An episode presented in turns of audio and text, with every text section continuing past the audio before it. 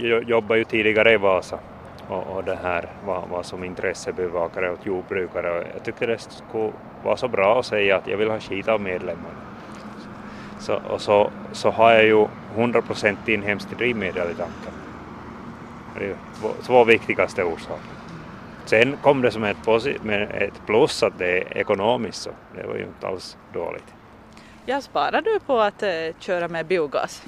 Det blir en 30-40 procent billigare än, än, med bensin.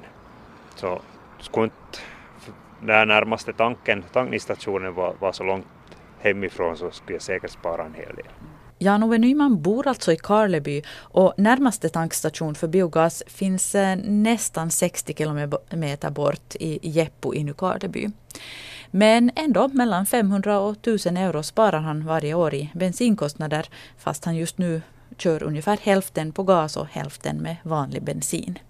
Nyman gillar den här tanken på att ha inhemsk och närproducerad gas i biltanken. Råvara för gasen är till exempel avfall från Snellmans fabrik och sen också svinsväm och potatisavfall från Nykarleby.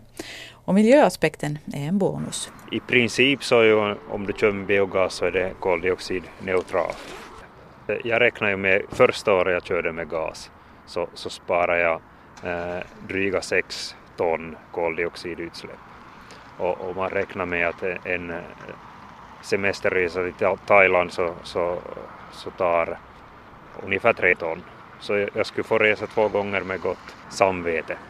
Där inuti bilen lär det finnas två meter också. Kanske vi ska sätta oss in och ta en tur också? Ja, vi kan ta en tur. Jan-Ove Nyman kan köra ungefär 450 kilometer på sin gastank och så lika mycket till på bensintanken. Du märker inte någon skillnad på en normal bil och den här. Är det gas eller bensin vi Den går på gas nu. För jag har två meter här i en, bensin, eller en gas och en bensin. Så nu går den på gas. Kan du välja också att nu vill jag köra? Nej, jag kan inte välja. Den kör nog först på, på, på det här gas. Och sen har det, den slår om i farten så man märker inte alls själv. Man ser bara på, på den här displayen att nu, nu går den på bensin. Men jag har inte som märkt något. No, I praktiken så märker du det när det slår över.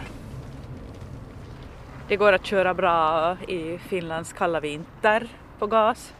Diesel har en, en köldgräns på ungefär minus 35. Bensin har en köldgräns på ungefär minus 60. Uh, eh, gas har en köldgräns på ungefär minus 160. Så nu kommer det andra problem för, för det bränsle som är problemet. Idag finns två tankstationer för biogas i Österbotten.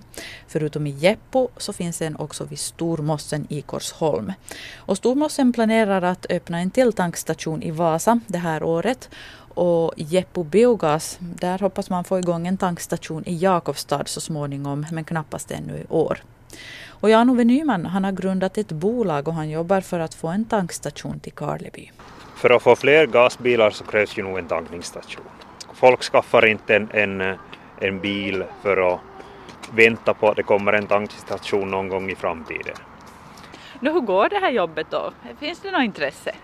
Det finns intresse. Tidigare så, så tyckte jag det gick, gick långsamt och, och, det går det ju fortsättningsvis men, men jag har märkt att intresset har nog vaknat att det börjar, börjar nog gå, gå framåt och det är nog i tiden och det här med gas idag. Sen har jag ju själv varit i kontakt med en hel del, hel del eh, transportföretag, taxibilister och så vidare. Man, man är ju förstås lite försiktig när det, när det är något nytt men, men det, här, det finns nog ett intresse. Och speciellt om, om man skulle få det att bli billigare än vad de använder idag. Men till exempel i Jeppo har man per dag, tre till fem som tankar. I Vasa så har man väl 30 så att säga stamkunder som, mm. som då tankar regelbundet där. Men det räcker ju ingenstans eller för lönsamhet. Nej, inte, inte för lönsamhet men, men det här andra, i Vasa har man ju 12 gasbussar.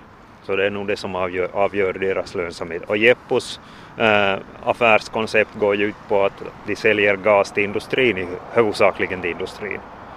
Men, men ska man leva enbart på att sälja gas till bilister så då, då, behöver man nog lite fler.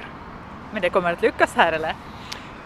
Ja, om jag får, får med några storkonsumenter som använder, använder mera gas så, så tror jag nog att det lyckas. Och sen när det finns en station så jag tror starkt på att då kommer, kommer det här privatbilisterna att skaffa gasbilar så småningom.